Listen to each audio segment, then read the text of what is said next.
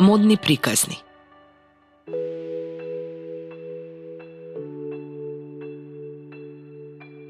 Сино за девојчиња, розово за момчиња.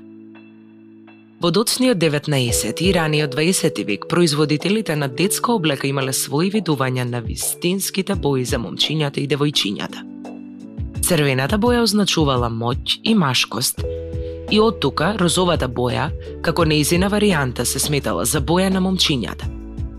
Сината боја ја поврзувале со облеката на Дева Марија, па затоа била сметана за женска. Во 40-тите години американските производители се договориле сината да биде земена за момчиња, а розовата за девојчиња.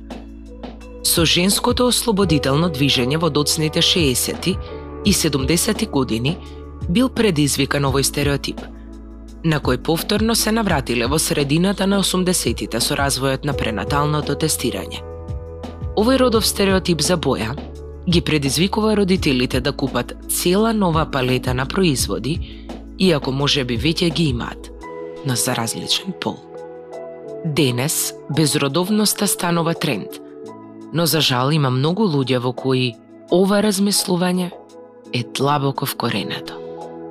Модни приказни е дел од подржаните проекти од национален интерес за 2021 година од Министерството за култура на Република Северна Македонија –